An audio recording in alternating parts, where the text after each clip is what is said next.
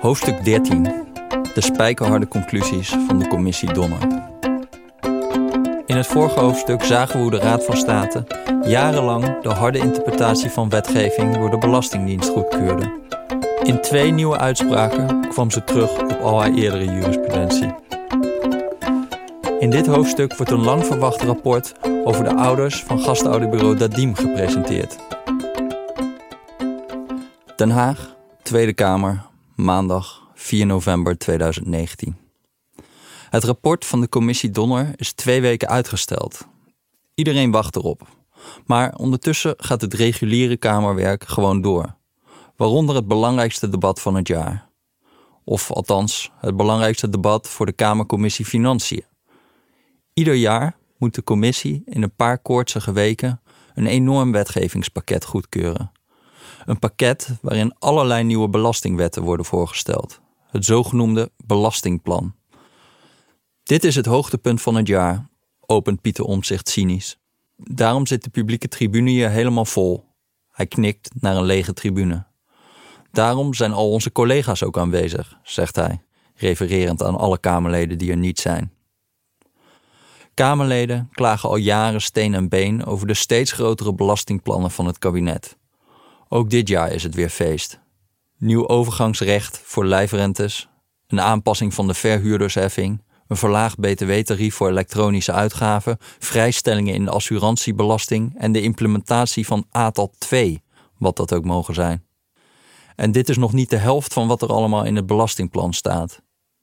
Henk Nijboer van de PvdA verzucht later in het debat. Vorig jaar zaten we er ongeveer hetzelfde bij als nu. Helemaal mur.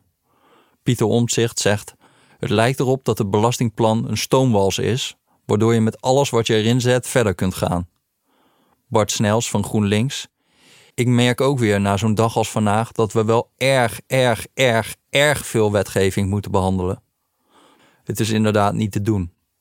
De Kamerleden moeten het belastingplan doorgronden, bedenken hoe die fiscale wetgeving in de praktijk zal uitwerken, daarover een mening vormen en dan nog wijzigingen voorstellen. En dat in zeer korte tijd. In de media is er intussen amper aandacht voor de tientallen wetswijzigingen over miljarden euro's die elk jaar in het belastingplan verschijnen. Een belastingplan is groot en complex. Wie een lijk moet verstoppen, kan dat het beste ergens op pagina 423 van het belastingplan doen. Ook Omtzigt legt de vinger op de zere plek. Het pakket wetgeving dat we nu voor ons hebben is echt veel te groot, zegt hij. Hoewel er nu heel weinig belangstelling is, zal de tribune, wanneer er iets misgaat, denk aan de kinderopvangtoeslag, weer helemaal vol zitten. Die dingen gaan mis omdat we ergens een maatregel missen. En met deze omvang van het wetgevingsproces gaat er wat mis. Dat baart mij grote zorgen. Tijdens het debat over het belastingplan gaat de aandacht van de aanwezige Kamerleden ook even uit naar de toeslagenaffaire. Renske Leijten van de SP uit in haar spreektijd haar frustratie over de vertraging van de commissie Donner. Ze ziet het belang niet zo in van die nieuwe uitspraken van de Raad van State. De Belastingdienst had toch altijd al ongelijk? Volgens mij is die uitspraak van afgelopen woensdag helemaal niet zo nieuw, zegt ze. Het onderwerp mag formeel dan wel niet op de agenda staan. Omtzigt en Leijten weten tijdens dit debat over het belastingplan toch iets belangrijks voor de gedupeerde ouders te bereiken. Uit het SP-zwartboek is gebleken hoe ouders zuchten onder strenge invorderingsmaatregelen. Ze krijgen het verwijt opzet grove schuld aangevreven, bijvoorbeeld omdat ze verzuimd hebben informatie aan te leveren of niet begrepen dat ze die informatie moesten aanleveren. Zou de Belastingdienst, vragen Leid en Omzicht, niet eerst helemaal zeker moeten weten dat deze ouders echt iets misdaan hebben voordat er beslag op hun inkomen wordt gelegd? Staatssecretaris Menno Snel stemt in. Eerder heeft hij al een invorderingspauze toegezegd voor CAF 11. Maar tijdens dit debat belooft hij, in afwachting van het rapport van de commissie Donner, een invorderingspauze voor alle ouders met terugvorderingen van kinderopvangtoeslag. Het is een discussie die al even loopt op het ministerie, maar nog altijd niet tot actie heeft geleid. Sterker nog, twee maanden eerder, in een notitie van 23 augustus 2019, raden zijn ambtenaren hem nog af een invorderingspauze aan te kondigen. Ze vreesden onder andere voor de arbeidsintensiviteit van uitvoering en het risico van presidentwerking. Bovendien liep er nog een onderzoek naar al die andere kafzaken. Wacht dat maar even af, luidde het advies. De kwalificatie opzet grove schuld is tot dan toe vrijwel geheel buiten beeld gebleven in de toeslagenaffaire. Staatssecretaris Menno Snel heeft er nog niet eens van gehoord. In juli 2019 stelde Renske Leijten al kort Kamervragen over opzet grove schuld. Eind augustus bleek uit haar zwartboek dat dit criterium voor enorme ellende zorgde. Op 27 oktober 2019 schrijven Jan Klein Nijhuis en Pieter Klein een belangrijk artikel over opzet grove schuld, waarin ze uitleggen wat het is, wat de verstrekkende consequenties zijn en wanneer je deze kwalificatie kunt krijgen. Volgens goed ingevoerde bronnen was het standaardbeleid in zogeheten kafzaken om mensen geen uitweg te bieden met een betalingsregeling, schrijft Pieter Klein. Die bewering is wat overdreven. Uit het onderzoek van de auditdienst Rijk blijkt dat opzet grove schuld bij 577 van de 9402 burgers in kafzaken werd opgelegd. Bij 6% dus. Na de media-aandacht schrijft de directoraat-generaal Belastingdienst twee memo's aan staatssecretaris Snel, die uitleggen hoe opzetgrove schuld bij ouders wordt vastgesteld. De memo's bevatten een gordroge uiteenzetting over een beslissing die een mensenleven acuut kan laten ontsporen. Dit is me veel te technisch, noteert Menno snel op een van de memo's. De rillingen lopen over mijn rug. Hij beklaagt zich vaker over het dorre belastingdienstproza dat hij onder ogen krijgt, waarbij je tussen alle wetten en processen de mensen zelf maar bij moet denken. Of een ouder opzet grove schuld wordt verweten, is namelijk een van de meest verstrekkende beslissingen die wordt genomen door de Belastingdienst. Want van deze beslissing hangt af of iemand een betalingsregeling kan krijgen. Als een ouder opzet grove schuld wordt verweten, dan wordt hij of zij op een absoluut bestaansminimum gezet en lam geslagen door beslagleggingen. De wet blijkt wat betreft het verlenen van een betalingsregeling opnieuw dramatisch onduidelijk. In de Algemene Wet Inkomensafhankelijke Regelingen staat dat je een onterechte uitgekeerde toeslag in zijn geheel moet terugbetalen en wel binnen zes weken. Er staat in die wet ook dat de staatssecretaris van Financiën een aanvullend besluit mag nemen over hoe de terugbetaling moet geschieden. In dat aanvullende besluit is bepaald dat ouders in afwijking van de wet een persoonlijke betalingsregeling kunnen krijgen en na twee jaar aflossen in feite van hun schuld af zijn. Tenzij er dus sprake is van opzetgrove schuld. Dan word je niets kwijtgescholden en moet je in twee jaar alles aflossen. Wat nog altijd meer is dan de zes weken die in de wet staat. Wat opzetgrove schuld is, staat weer in een ander besluit van de staatssecretaris. Grove schuld omvat volgens de staatssecretaris mede grove onachtzaamheid, staat in dat besluit. Daarbij kan worden gedacht aan laakbare slordigheid of ernstige nalatigheid. Hoe je daar chocola van maakt, dat laten ze bij de afdeling invordering over aan medewerkers met een karig salaris, een laag opleidingsniveau en zonder juridische kennis. Aan hen de schone taak te bepalen wat laakbare slordigheid en ernstige nalatigheid dan precies zijn. Pas in februari 2015, twee jaar nadat werd begonnen met het vaststellen van opzetgrove schuld in kinderopvangtoeslagdossiers, werden voor deze medewerkers werkinstructies opgesteld, waarin enkele handvatten worden geboden voor het vaststellen van opzetgrove schuld. Het onbetaald laten van de eigen bijdrage, het niet verstrekken van informatie, het aanvragen van te veel uren.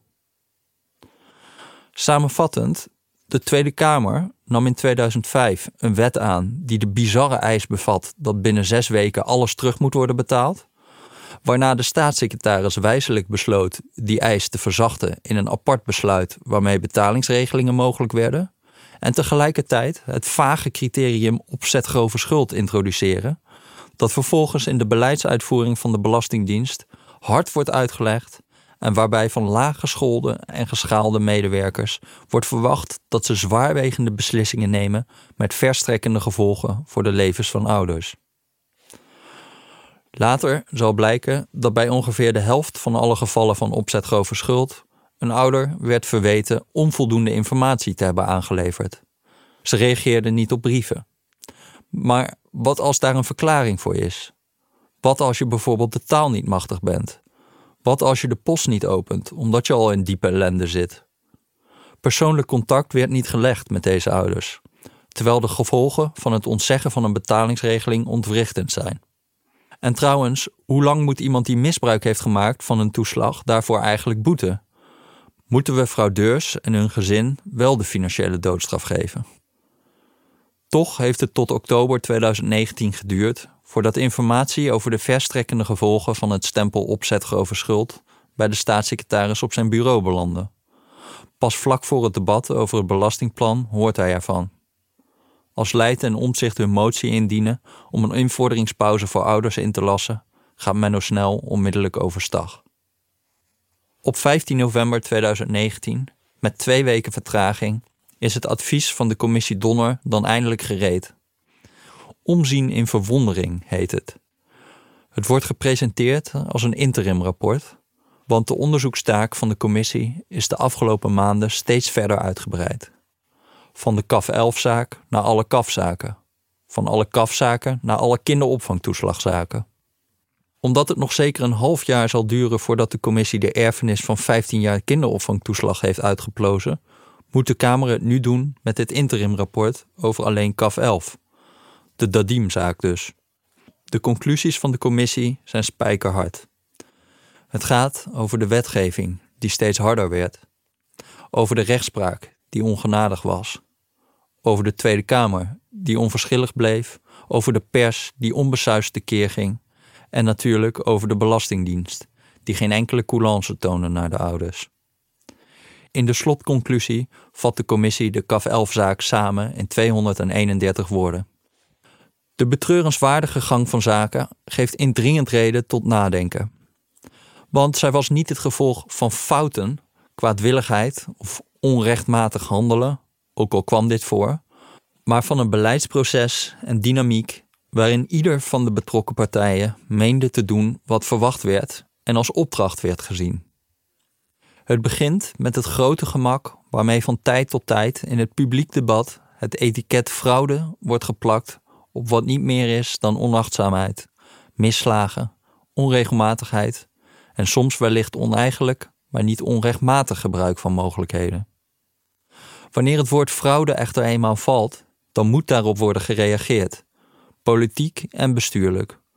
Dat is terecht, maar organisaties die op zoek gaan naar fraude doen dit grondig, institutioneel, zonder aanzien des persoons en op een wijze dat achteraf niemand kan zeggen dat men naïef, achterloos of te mild was.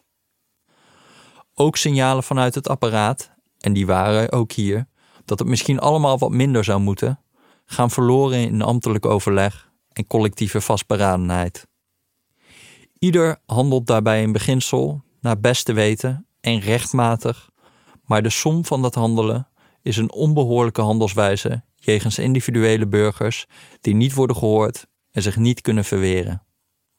En deze handelswijze wordt alleen maar rechtlijniger, blinder en onontkoombaarder naarmate daarbij meer geautomatiseerde processen worden ingeschakeld om het allemaal nog sneller, doelmatiger, zorgvuldiger en genuanceerder te maken.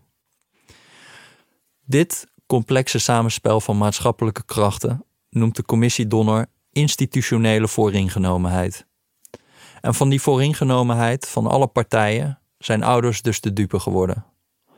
Alle ouders van Dadim, zo adviseert de commissie Donner, moeten ruimhartig worden gecompenseerd. Ze krijgen in het voorstel van de commissie alsnog het bedrag aan kinderopvangtoeslag, plus een schadevergoeding van 25% van dat bedrag voor het aangedane leed, plus een vergoeding van de invorderingskosten, plus een vergoeding van de proceskosten. Waar ze eerder het nadeel van de twijfel kregen, daar geven we ze nu het voordeel van de twijfel, stelt de commissie Donner. Alleen bij ernstige onregelmatigheden, mensen die de boel evident belazerd hebben, moet compensatie achterwege blijven. Toch laat het rapport veel vragen nog onbeantwoord. De commissie biedt geen oplossing voor het probleem van precedentwerking. Geldt deze compensatie ook voor ouders in andere zaken? En zo niet, wat maakt CAF 11 dan zo uniek? De term institutioneel vooringenomen is een mooie frase, maar wat betekent het precies? Op die vragen zal de commissie pas in een volgend rapport terugkomen. Maar ondertussen neemt Menno snel in een Kamerbrief alvast het besluit om compensatie te bieden aan de Dadim-ouders. De wettelijke grondslag met de juiste kaders moet dan maar later komen. En de harde wet kinderopvang, die in de verhitte Kamerdebatten steeds buiten beschouwing blijft? In een korte alinea op pagina 43 beschrijft de commissie Donner over de pogingen van medewerkers van de Belastingdienst in 2014 om de wet te laten wijzigen. Het is voor het eerst dat die pogingen aan het licht komen. De commissie schrijft dat ze verzanden bij het ministerie van Sociale Zaken en Werkgelegenheid. Het ministerie dat gaat over de wet kinderopvang, maar dat nog nergens in de media is genoemd. Ook deze alinea in het rapport van Donner blijft in de pers lange tijd onopgemerkt. Pas een half jaar na de publicatie van het interimrapport zal Jan-Hein Strop van Follow the Money als eerste journalist een artikel publiceren over de rol van het onwillige ministerie van Sociale Zaken en Werkgelegenheid in de toeslagenaffaire. De enige bij wie de passage direct na publicatie lijkt op te vallen zijn de Kamerleden Steven van Weyenberg van D66 en Bart Snels van GroenLinks. Tijdens een besloten gesprek in de Tweede Kamer proberen zij meer details te krijgen van Donner. We hebben bij sociale zaken gevraagd of ze daar nog herinneringen aan hadden, vertelt Donner tijdens dit gesprek. Die waren er, alleen werd geconstateerd dat dat gesprek eind 2014, begin 2015 in wezen is verdampt. Mede, zo blijkt uit een verslag daar, omdat er toen opnieuw een publiek debat was over fraude in de sociale zekerheid. Men zei: dan is het wat ongelegen om dat nu te doen. Ook in de jaren daarna werd er op het ministerie van Financiën en het ministerie van Sociale Zaken en Werkgelegenheid weinig urgentie gevoeld om de alles of niets wetgeving te veranderen. Pas in april 2018 trekt staatssecretaris Tamara van Ark de stekker uit de plannen van Ascher voor een volledige stelselherziening, waardoor haar ambtenaren eindelijk ruimte krijgen om te sleutelen aan de bestaande toeslagwetgeving. Drie maanden later zegt Van Ark in een Kamerbrief toe om met het ministerie van Financiën proportioneel toekennen te gaan verkennen. Daarmee wordt bedoeld een wetswijziging waardoor niet alles wordt teruggevorderd bij kleine betalingsgebreken. Maar vervolgens wordt er bijna een jaar lang niets verkend. Hoewel de toeslagenaffaire in 2018 al begint te broeien, wordt het verband met de snoeiharde wetgeving pas in een laat stadium gelegd door de ministeries. Tijdens een kennismakingsgesprek tussen directeur kinderopvang Maaike van Tuil van Sociale Zaken en Werkgelegenheid en directeur toeslagen van de Belastingdienst Agaat Kleindert in februari 2019 komt het onderwerp ter sprake. Eén ding zit mij dwars en dat is dat ik merk dat het proportioneel vaststellen nog niet helemaal van de grond komt, zegt Kleindert in dat gesprek. Er zijn wat aarzelingen of dat nou zo belangrijk is, of dat wel moet. Ik heb het gevoel dat het wel moet, want er lopen mensen echt klem. Het duo besluit dat dit onderwerp nu niet meer van de politieke agenda mag verdwijnen. Als staatssecretaris Menno Snel op 11 juni 2019 de Kamerbrief schrijft waarin hij zijn draai maakt om Dadim-ouders te compenseren, komt er vaart achter het wijzigen van de wet. Op 9 oktober 2019 is er eindelijk een akkoord tussen het ministerie van Financiën en het ministerie van Sociale Zaken en Werkgelegenheid over hoe de nieuwe wetgeving, waarin de alles of niets benadering definitief vaarwel wordt gezegd, eruit zou moeten zien. Nog geen twee weken later doet de Raad van State zijn baanbrekende uitspraken waarmee een einde wordt gemaakt aan de alles of niets benadering. De rechter blijkt de wetgever te snel af. Bij de persconferentie op 15 november 2019 over het rapport is ook Pieter Klein van RTL Nieuws aanwezig. Heeft u bewijs gevonden van ambtsmisdrijven? vraagt hij aan Piet Hein Donner. Het is niet zo eenvoudig in deze zaak, zegt Donner, dat je kan zeggen: er is onrechtmatig gehandeld. Als iedereen nu maar rechtmatig had gehandeld, dan was er niks gebeurd. Nee, het is een situatie waarin de Belastingdienst in feite heeft gedaan wat er van hem verwacht werd: fraude bestrijden. Een politiek rapportje, smaalt Pieter Klein twee weken later in de podcast Betrouwbare Bronnen over het rapport van de commissie Donner. Omdat het institutioneel was, is er niemand verantwoordelijk. Dat is natuurlijk kletskoek. Dat is een typische Donneriaanse aanpak. Dit was het vehikel waar Menno snel naar smachtte. Hoewel de conclusie van de commissie Donner dat er iets ernstig mis is gegaan wel degelijk landt in de media en in de Kamer, lijkt de analyse van wat er is misgegaan niet door te dringen. Het rapport raakt bovendien alweer ondergesneeuwd door een nieuwe, veel spannendere ontwikkeling. Op de dag van publicatie geeft het ministerie van Financiën ook een lijvige verzameling interne documenten van het CAF en het managementteam Fraude vrij. Het ministerie wilde alles tegelijkertijd op tafel hebben. Het spijkerharde rapport van de commissie Donner, de reactie van de staatssecretaris op dat rapport en alle interne documenten over CAF die in het afgelopen jaar zijn verzameld. De interne documenten blijken een bonte verzameling van smakeloze couleur lokaal te bevatten. Met name in het weekverslag van het CAF wemelt het van gênante krachttaal. De weekverslagen zijn interne nieuwsbrieven waarin de teamleider van het CAF zijn literaire aspiraties botviert. In geuren en kleuren wordt nog eens naverteld wat CAF-inspecteurs in het veld hebben aangetroffen. Onderaan de nieuwsbrief prijkt telkens in spuuglelijke word art de kreet License to Disturb. Een van de CAF-medewerkers ondertekent al zijn e-mails met geen woorden, maar daden. In de week waarin de computer van een frauderende belastingadviseur in beslag is genomen, schrijft de teamleider: Ladies and gentlemen, we got him. Dat waren de legendarische woorden van George W. Bush bij de arrestatie van Saddam Hussein. Eenzelfde soort euforisch gevoel, maar dan in het klein, viel deze week het CAF-team ten deel. In een ander weekverslag staat: Het wereldbeeld werd weer vreed verstoord bij een bezoek aan een strafzitting confronterend om te zien dat hierin meer dan eens individuen aangetroffen worden die amper een week van hun leven gewerkt hebben, letterlijk overal maar hun hand voor op hoeven te houden, allerlei subsidies huurhuizen met als voorwaarde dat ieder kind, vijf stuks, wel een eigen slaapkamer heeft, gratis sportpassen, computers, etc. Terwijl ze zichzelf aan de andere kant voor vele tienduizenden euro's op malafide wijze toe-eigenen. In nog een ander verslag schrijft de teamleider verlekkerd op 5 december wordt het afpakjesdag.